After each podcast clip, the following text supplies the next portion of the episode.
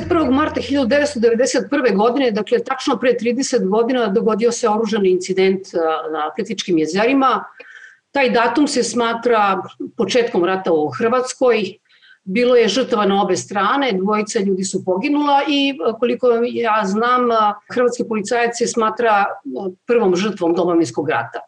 Gospodine Hedl, gde je taj događaj vas zatekao i šta je njemu prethodilo pa se završilo sa tim oruženim incidentom, a kasnije je taj zamajac je krvavi krenuo, tako da se završio tek u novembru praktično od 95. godine.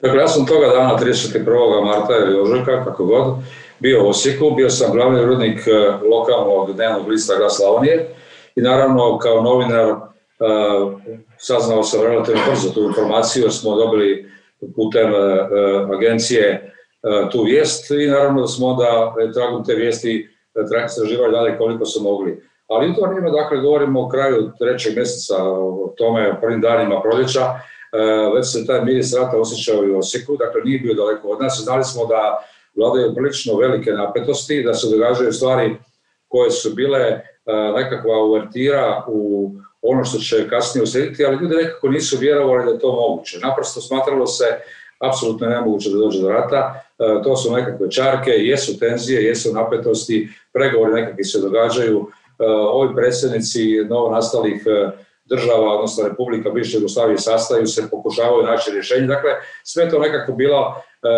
bilo još daleko od onoga što će slijediti kasnije. Krajem trećeg mjeseca u Osijeku, dakle, koji je bio blizu kasnije središtu rata, već su se osjećali oni prvi E, nagovještaj da ipak neće sve završiti onako kao što su mnogi ljudi očekivali i nadali se. Pa sama događaj na Plitvicama, samo da se podsjetimo, dakle, pobunjeni Srbi su, tako da kažem, zauzeli Plitvička jezera, tamo su se instalirali, e, Tuđman je poslao e, specijalnu policiju, odnosno policiju da vrati Plitvice, tako da kažem, pod okrilje Hrvatske i to je bio, tako da kažem, uvod u taj incident, odnosno u tu oružan razmon vatre. Da, ako se dobro sjećam, e, ja sam e, prilično daleko od, od e, Osijeka, prilično daleko od Plitvica i nekako nama nije bio u žiži sam taj događaj. Znam samo da je, čini mi se, u tom incidentu bio uh, uhićeni Goran Hađić da se tamo nalazio i da je, s obzirom da je on dakle, živio tu u Pačetinu u blizini Osijeka, radio je u bio je tamo sladištar, dakle da je onda ta priča nama je stoga postala zanimljiva,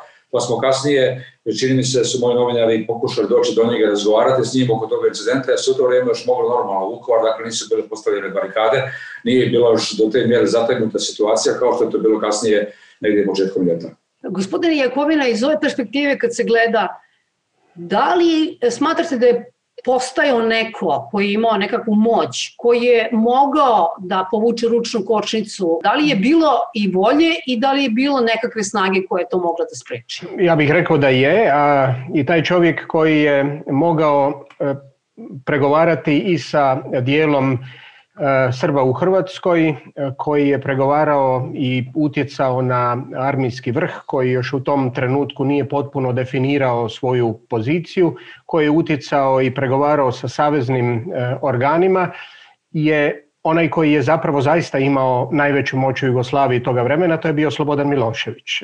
Dakle, Milošević je E, bio onaj koji je mogao zaista utjecati na sve različite faktore koji su utjecali na život u Jugoslaviji. Vi ste imali saveznog premijera, međutim njegove ovlasti i njegove čak i kritika koja je poslije išla e, na njegov račun je bila jednim dijelom limitirana ili on je imao svoje limite. Imali su limite e, savezni diplomati koji su po mom mišljenju radili e, prilično sofisticiranu igru kako Jugoslaviju pomoći ili spasiti od sukoba, međutim njihovi limiti su bili još i veći nego od saveznog premijera. Isto je vrijedilo i za malo čas spomenute predsjednike predsjedništava pojedinih republika koji su počeli pregovarati razgovarati u nastojanju da dođu do dogovora, što je zapravo još na jedan način u pozadinu bacilo ili obespredmetilo e, savezne e, institucije koje su postale još manje važne u konfederiranoj Jugoslaviji e, koja je bila. Međutim, na one koji su tamo bili prisutni i uopće na činjenicu da imate nekoga tko iz Pačetina može doći na Plitvice i da imate e,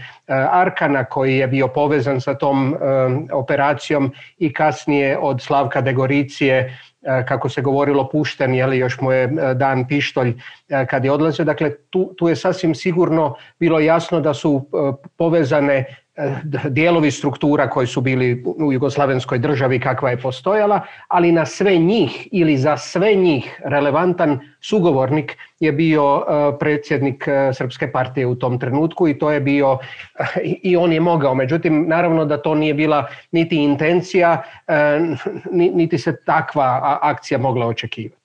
U Osijeku je postala jedna osoba koja je na lokalnoj razini, dakle ne u okviru ovoga, kao što je govorio malo prije gospodina Kovina, na E, državnoj razini ili lokalnoj razini pokušavala smiriti tenzije. To je bio Josip Rajko Kir, načelnik e, policijske uprave Osječke, Osječke Osječko-Baranske, e, za tada još Osječke, jer nisu postavili to vreme još ovaj, županijske strukture. Dakle, on je na lokalnoj razini pokušavao smirivati tenzije, pokušavao pregovarati, pokušavao je posredovati između, između sukobljenih strana i naravno to je poznato, platio je to životom, dakle platio je svoj, svoju želju, svoje napore e, i e, svoj neki način ulogu policije da e, pokuša mirnim putem razrešiti konflikt koji je iz dana u dan postajao sve teži. Naravno, on nije imao s druge strane, zapravo s obje strane nije imao sugovornike, sa Srpske možda čak i nešto više nego sa Hrvatske, jer Hrvatskoj ima velikoga protivnika u istom gradu u kojem živimo i u kojem smo živjeli i Josip Kir i Branimir Glavaš ja. Dakle, Branimir Glavaš je bila osoba koja se nije mirila sa politikom koju je vodio Rajko Kir.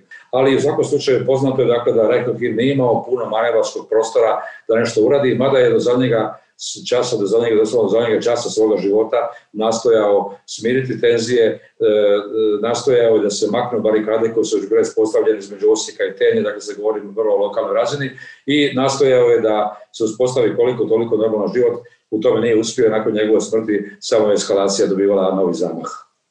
Da li se može reći da, kad govorimo dakle, o tom 31. da su u Srbiji, u Hrvatskoj mnogo pre toga već odredili taj put koji, ne mogu da kažem, neminovno je vodio u te prve žrtve, a kasnije mnogo više žrtava, samim izborom, svojim političkim izborom godinama pre toga.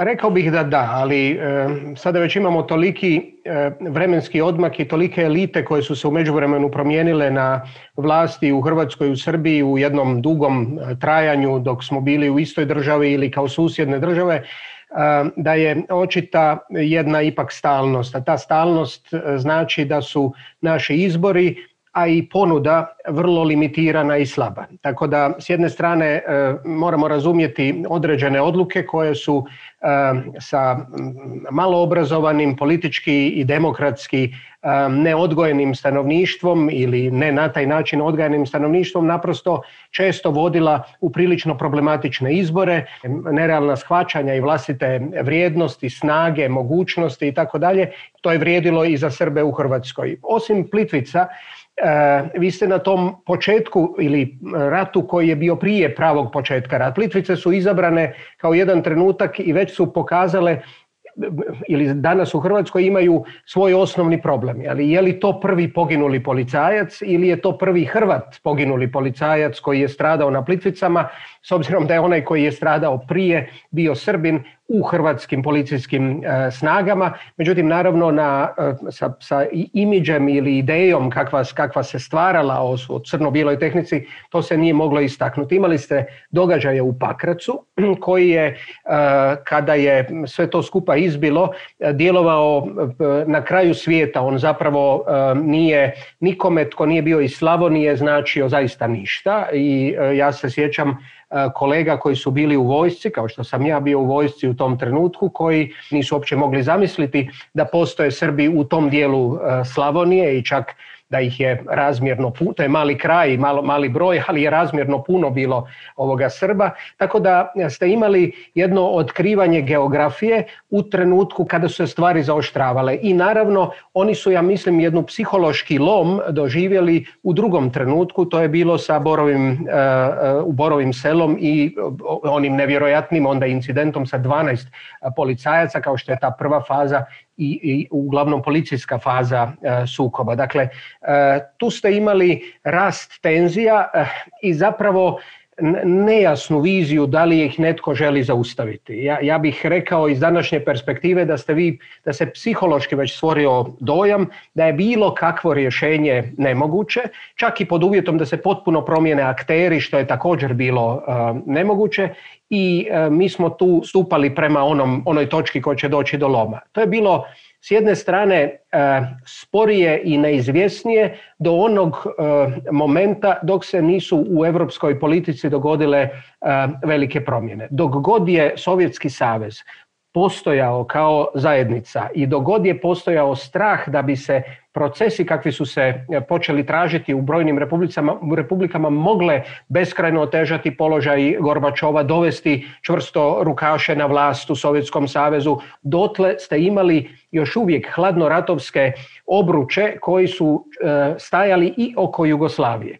Jugoslavija je jako puno, u svo, druga Jugoslavija, Titova Jugoslavija je jako puno profitirala zbog hladnoratovskih obruča oko nje, zbog specifičnog položaja, da ne ulazimo u tu stvar. U trenutku kada je u ljeto te godine Gorbačov svrgnut ili kada je pokušan e, biti svrgnut i kada je odmah iza toga Rusija koja je slomila puć, dakle Ruska republika koja je slomila puć, priznala i baltičke zemlje i zapravo rekla da ih se ne tiče što se događa sa Sovjetskim savezom, bilo kakvi obziri prema sličnim primjerima u drugim zemljama, Jugoslavenska federacija je bila u tom smislu najsličnija, su prestali postojati. I vi ste imali zapravo i, onaj i onu slabu nadu da će Europa željeti da se ne, kriza i destabilizacija ne preljeva taj obzir je prestao. Dakle, i meni se čini da su Plitvice u nekakvom drugačijem zamišljenom slučaju mogle biti jedan od ozbiljnih incidenata koje nužno ne bi dovele do rata kakav je bio. Međutim, kad su se svjetske okolnosti promijenile,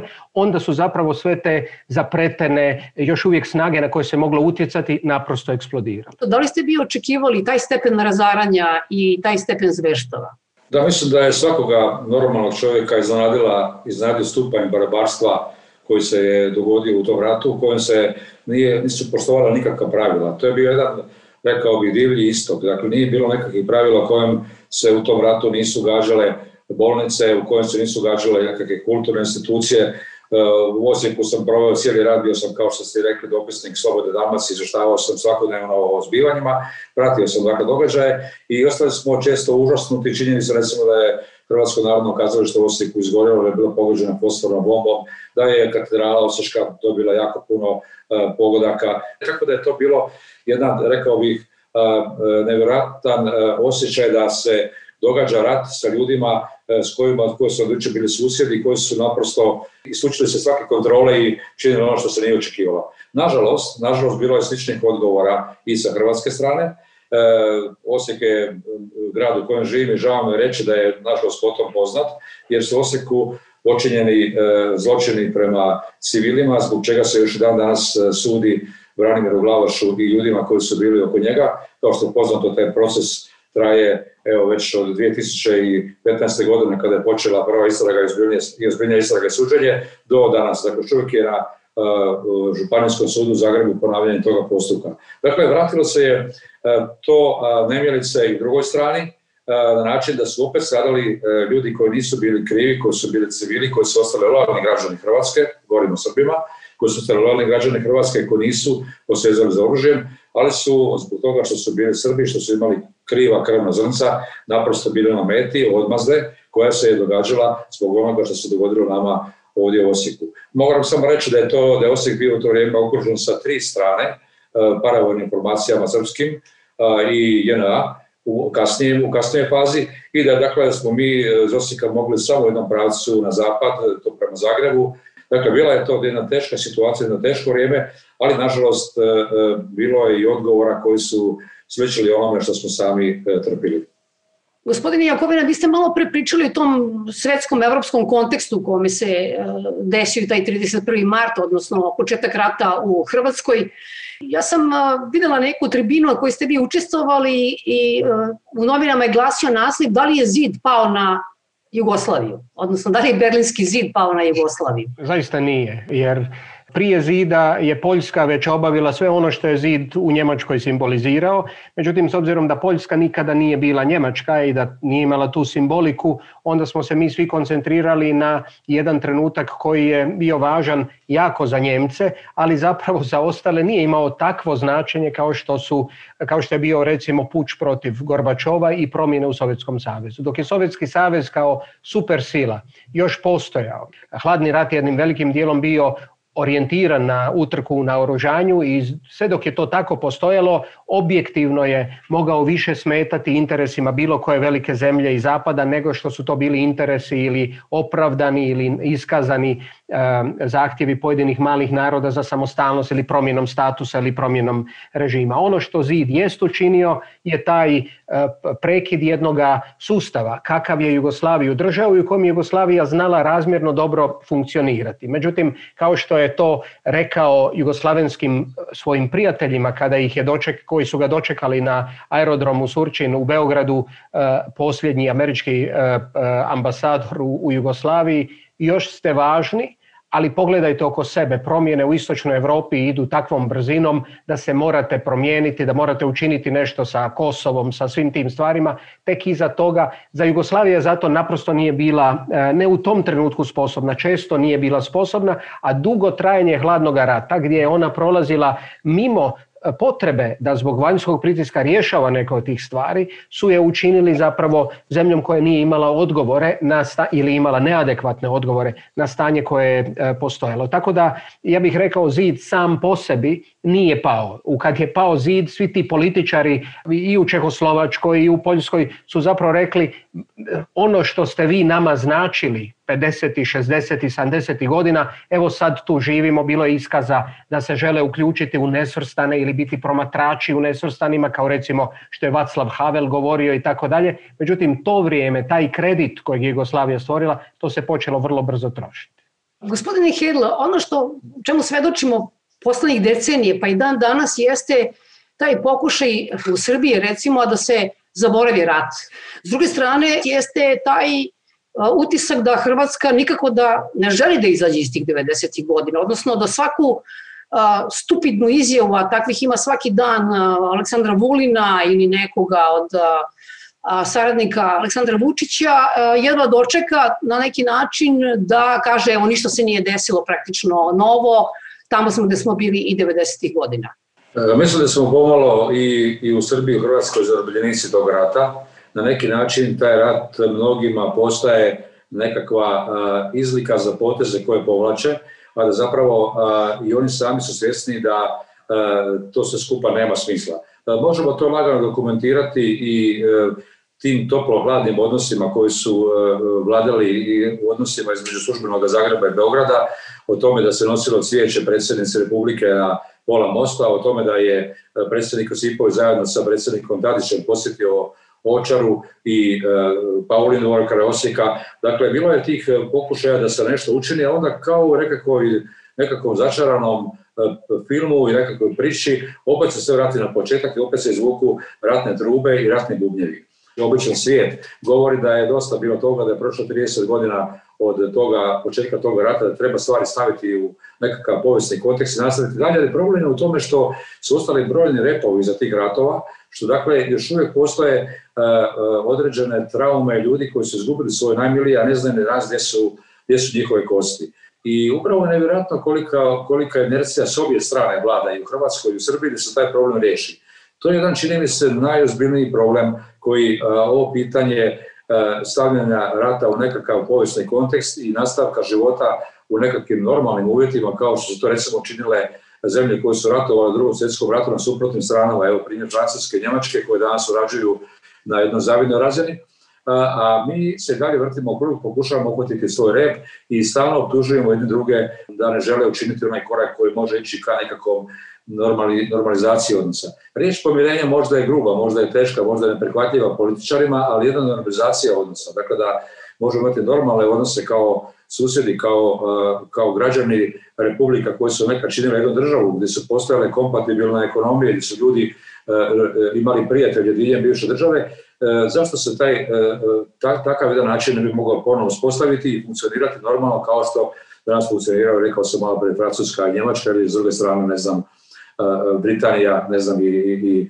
ili neka druga, eh, Njemačka neka druga država. Dakle, to je ono što nam fali, nama trebaju vođe koji mogu načiniti taj iskorak, koji će na svoje dnevne politike i svojih eh, lokalnih koristi učiniti ono što zapravo nije dobro i što nas stalno vraća na priču o tome ko je započeo rat, ko je kriz rat i ko je u njemu načinio više zločina.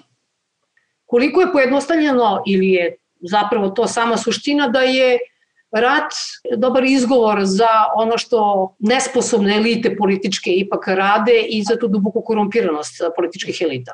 S jedne strane jest najlakše, osim toga vi imate imperativ pobjeda na izborima koji su shvaćeni e, na način koji je u mnogo čemu puno manje demokratski nego što je bio u trenutku kad smo imali jednu stranku koja se nije borila za vlast, pa je mogla biti puno otvorenija i za kadrove koji su mogli koji su znali neki posao. Ali ovdje, ovdje smo mi stvorili društva u kojima je jedino stranačka pripadnost e, mjera e, napredovanja, e, uspjeha, patriotizma i tako dalje. Međutim, postoji još jedna druga mogućnost koju možete objasniti. Lideri koji su u svakoj od naših republika, su socijalizirani u sustavu e, u kojem se također govorilo o jednom drugom ratu. Taj rat je bio puno veći i puno važniji, e, bio je e, svjetski, ali je također bio prisutan. Mi smo iz načina na koji se nekada obilježavalo, s da se razumijemo u jugoslavensko vrijeme velike obljetnice su bile obilježavane, ali se nije događalo ništa slično onome što postoji u Hrvatskoj, da vi zapravo svake godine u svakom mjesecu znate koji praznici dolaze i da se ne možete e, izvući iz toga rata, nego perpetuirate ratno stanje, naglašavate to ratno stanje neprestano, ali oni su učili od, od onoga što je bilo e, ranije. Oni mnoge od e, problema u sudstvu, u, u, korupciji, s tim da je korupcija kod nas danas, kako je rekao jedan hrvatski ekonomist Kalođera, danas se krade u, u kategorijama, nekad se kralo na razini osobne potrošnje. Eli, mi smo usavršili najnegativnije e, prakse zbog toga što je društvo postalo puno, ja bih rekao, kruče. Ali, kao što je nekad partija mogla od pet kandidata zaposliti dva nepartijica jer, jer nije se borila za vlast, danas nemate više tu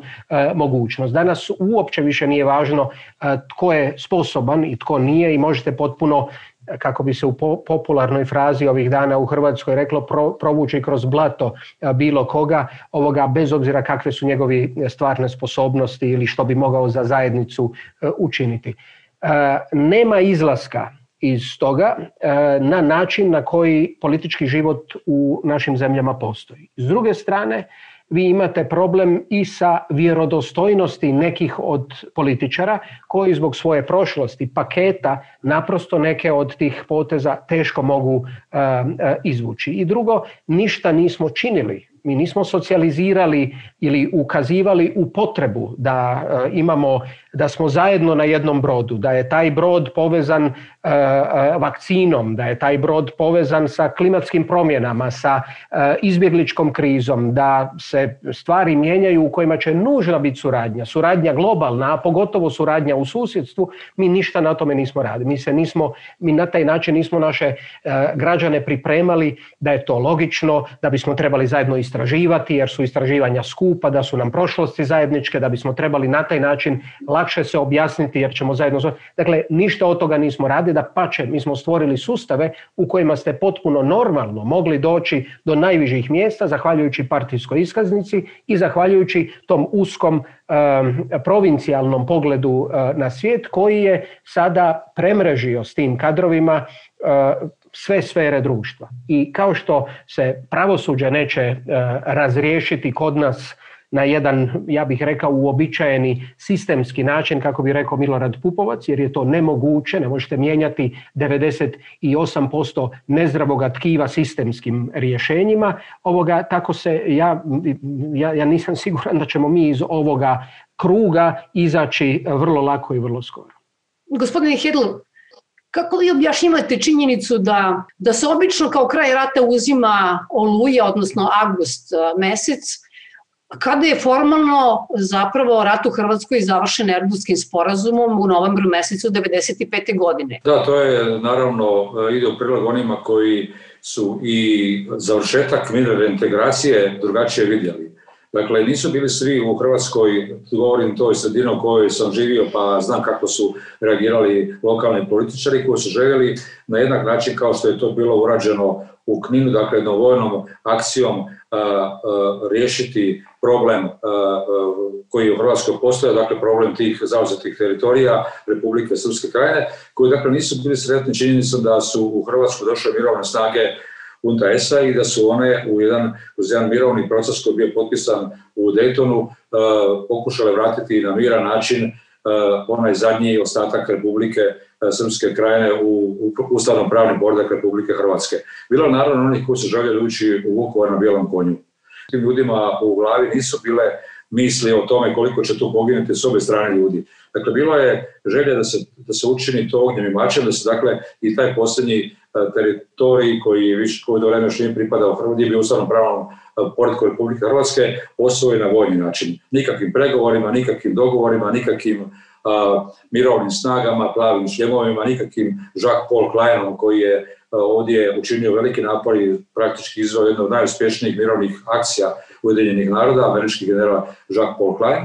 Dakle, bilo ljudi koji su se čak protivili onome što on radi, to otvoreno. Pa je zbog toga, recimo baš zbog toga protivljenja politici koju je zagovarao Jacques-Paul Klein i provodio je praktično na terenu, bio je smenjen tadašnji osječko-baranski župan Branimir Glavaš jer je jer su bili prejaki pritisi Amerike na tadašnjeg predsjednika Tuđmana koji je dakle morao se riješiti Glavaša i maknuti ga sa mjesta Osječko-Baranskog župana baš zbog toga što se protivio toga dakle, vraćanja e, teritorija Hrvatske u ustavni pravni poredak. Praktički po meni to je završetak rata, ali nekima sigurno to tako ne odgovara jer je uvijek slađe vidjeti tenkove na cesti nego vidjeti ljude koji e, pregovorima i potpisima sporazuma rješavaju stvari. Da, s tim da, znate, e, e, ne tako dugo nakon što je 1998. E, godine završena mirna reintegracija Podunavlja, vlada Hrvatske je pokrenula, između ostaloga, jedan projekt koji je trebao stvoriti zajedničke udžbenike za djecu Srba u Hrvatskoj i naročito u Podunavlju i ostatku Hrvatske koji je prerastao da se o vremenu 90. godina uči u svim dijelovima zemlje na isti način E, i to je izazvalo, iako je to bila inicijativa HDZ-ove vlade, e, koja je vjerojatno bila e, s jednim dijelom s idejom onoga što bi se u Europi isto bolje vidjelo, ali ta ideja se razbila onim krugovima unutar e, hrvatske vladajuće stranke koje, koji su, e, ja bih rekao, dominantni e, i koji možda nisu bili sretni sa mirnom reintegracijom, pa onda nisu bili sretni niti sa pristupom nastavi povijesti ili, ili naše prošlosti koja ne bi bila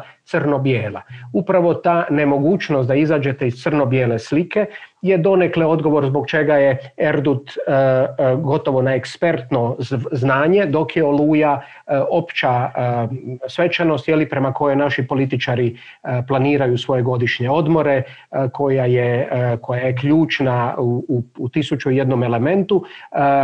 Ja moram doduše reći da su 2010. godine se dogodili određeni pomaci, među Međutim, e, osim tih verbalnih pomaka koji su se zbili, osim posjeta e, pred potpredsjednika vlade i to baš takvog potpredsjednika vlade e, potpredsjednika HDZ-a nekima od mjesta stradanja Srba po završetku oluje su imali važan simboličko značenje.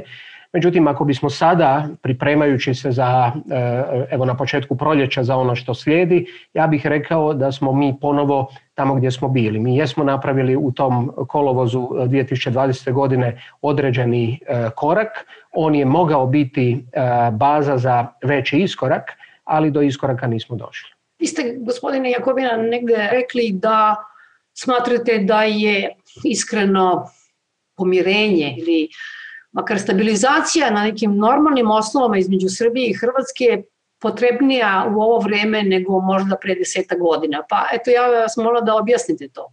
Prvo, ja ću vam početi od onog što je najmekše, što e, se ni ne vidi u široj zajednici e, e, i tako dalje.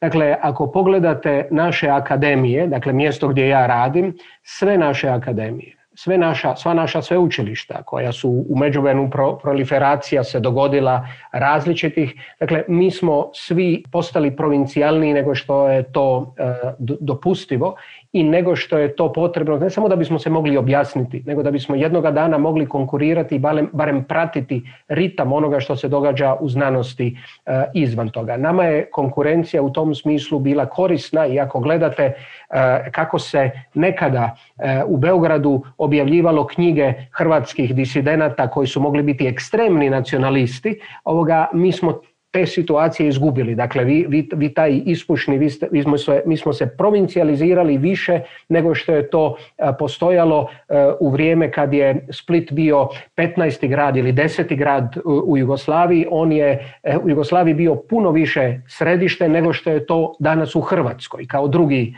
najveći grad. Isto se dogodilo s Mariborom, isto se dogodilo sa brojnim drugim mjestima i mislim da je to jedan od, dakle, a mi možemo lako jedni drugima biti recenzenti e, projekata i slično, što se i sada događa zbog štednje. Znate, kad Slovenci traže projekte, ocjenu projekata znanstvenih, onda uglavnom traže ljude koji su e, iz konteksta. Dakle, kolega iz Zagreba, od, počevši od mene, ima koliko hoćete u takvim e, povjerenstvima. Ali ono što sam malo čas rekao, mi smo suočeni sa sličnim problemima. Ti su problemi povezani sa demografijom, povezani su sa neriješenim pitanjima iz prošlosti koje se ne mogu, koje nas očito opterećuju, a ne mogu se riješiti ako neće biti suradnje. E, mi smo konačno u brodu gdje se mogu postaviti pitanje jednoga dana i pitanje granica i to ne granica između Srbije i Hrvatske, nego, nego uopće čitavoga okvira koji je, jer se sve te stvari, ja bih rekao, u današnje vrijeme dovode ili stavljaju ponovo e, na stol. Konačno, mi ne možemo e, niti, niti s covidom se na jednak način boriti, niti s putovanjima e, organizirati normalno ako neće biti uobičajene normalne suradnje između e, tih dviju zemalja ili ovih prostora ovdje. Bez suradnje između Hrvatske i Srbije neće biti rješenja nikakvog u Bosni i Hercegovini. Naravno da su ti stavovi još daleki. Mi vidimo jedno, drugi vide drugo, ali ako će jednog dana doći situacija da se to rješava, to se neće moći riješiti bez da se Beograd i Zagreb također usuglase oko, oko, pristupa brojnim regionalnim pitanjima. Dakle, eh, ako ćemo reći da stvar treba biti otvorena i dalje otvorena i, i, da na ovaj način ćemo i dalje, mislim, onda može. Bićemo eh, na ovom tragu još više na repu Europe i još više nerelevantni. E, međutim, e, meni se čini da, znate, to e, u tom ciklusu gdje političar razmišlja da sad treba u Hrvatskoj u proljeće dobiti izbore, a onda će imati dvije i pol godine, što mu je sjajno vrijeme do idućih izbora, to znači da vi imate godinu dana za eventualne hrabre poteze u politici ali oni nikada neće iskočiti iz toga da će e, rat e, i animozitet barem dosadašnje iskustvo je takvo, biti ublaženi i da ćemo se pomaknuti u nekom korisnom e, pravcu. Gospodine Hedl, za vas kratko na kraju, kada prolazim kroz Slavoniju, imam utisak kao da je rat bio juče. Nažalost, vaš dojam je potpuno točan. Slavonija je e, naj, e, e, zapravo cijeli istok Hrvatske je, rekao bih, devastiran, opustošen, demografski, ekonomski, intelektualno, kako god pogledate, Slavonija je zapravo slijepo crijevo Hrvatske. Ako pogledate slavonska sela, ona su pusta. Svaka treća, četvrta kuća je prazna, ljudi odlaze i smiješno je da ljudi odlaze iz Slavonije kamo se ranije dolazilo, iz drugih dijelova e, e, Hrvatske i Jugoslavije, kad su se doseljavali ljudi u Slavoniji i Vojvodinu, kao nekako područje se uvijek dobro živjelo, gdje su imali svi dovoljno kruha i gdje se nije brinulo o tome počeli biti e, tri obroka dnevno na stolu. Dakle, u takvoj situaciji Slavonija se upustaši, bez obzira što hrvatska vlada pokušava stalno pokazivati nekakav projekt Slavonija, Baranja i Srijem, gdje se govori o silnim milijardama koje su povučene iz Europske unije, ali to se ne vidi. Vide se možda nekakve ceste, vide se možda nekakvi infrastrukturalni radovi, ali oni ne mijenjaju uh, uh, situaciju, uh, oni samo možda će vam pomoći da se iz točke A do točke B brže dovezete, ali to je sve. Ja mislim da nigdje u Hrvatskoj kao Slavoniji nije toliki demografski manjak, da toliko ljudi nalazi, se toliko malo ljudi, odnosno da se toliko malo stanovnika dolazi na svijet u odnosu na one koji umiru. I bojim se da je za Slavoniju vrijeme počelo suriti na način da ga više nikada neće moći uhvatiti, da neće moći stići oni druge dijelove Hrvatske poput e, Istre, poput e, Dalmacije, poput e, recimo Međimurja, naravno u Zagrebu da ne govorim, gdje je dakle, Slavonija marginalizirana, devastirana i zaboravljena. Gospodin Jakovina, pa vi to znate po svojim studentima, možete zajednički imenitelji Srbije i Hrvatske i ne samo ovo nego čitavog ovog regiona je ta depopulacija i prosto taj zastrašujući odliv stanovništva.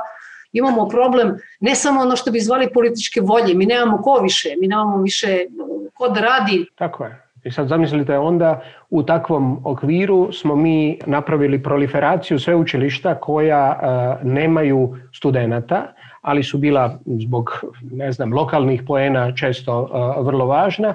Mislim s jedne strane je pitanje zapravo je li, je li to uopće e, jesmo li mi u tom smislu potrebni, znate? Možda zapravo mi ne možemo na, na ovaj način funkcionirati više i ne, i nećemo funkcionirati zbog toga što neće biti bilo kakvoga kadra. Dakle, mi imamo sve lošiji kadar i sve manji kadar. E, ja to možda na svom radnom mjestu vidim manje jer, smo, jer sam u Zagrebu pa je Zagreb još uvijek mjesto koje privlači, ali e, što se tiče sveučilišta u Osijeku, na primjer, i slično, znate, imate brojne grupe koje gotovo nikoga ne upisuju e, više. One i dalje one i dalje postoje. Dakle, to su, to su sve mrtvi e, organizmi koji, e, koji u isto vrijeme ne donose niti rezultate u znanosti, dakle, a, e, jer su tako kadrovirani, tako su stvarani, a više nemate niti studente kojima biste predavali. sad zamislite se kad na takvu objektivnu situaciju koja je nepopravljiva, jeli? dakle, nama čak i kako ćemo biti optimistični pa reći možda se to jednog dana popravi, ali možda, možda će se popraviti za 50 ili 150 E, godina. Ali dakle u jednoj takvoj situaciji vi onda imate partijsku logiku e, onih koji su na vlasti. Dakle, nitko tko može, ako nije moj, neće biti neće dobiti projekt, neće biti nagrađen, neće biti, dakle, bit će eventualno toleriran. Vi ste stvorili situaciju koja je eh, često bezizlaznija nego što bi to eh, smjelo biti čak i u ovako dramatičnim, groznim uvjetima postrata eh, i, i, i situacije koje objektivno u mnogim eh, zemljama nije sjajna. Hvala vam mnogo na razgovoru, eh, gospodine Jakovina, gospodine Hedl. Hvala vam, hvala.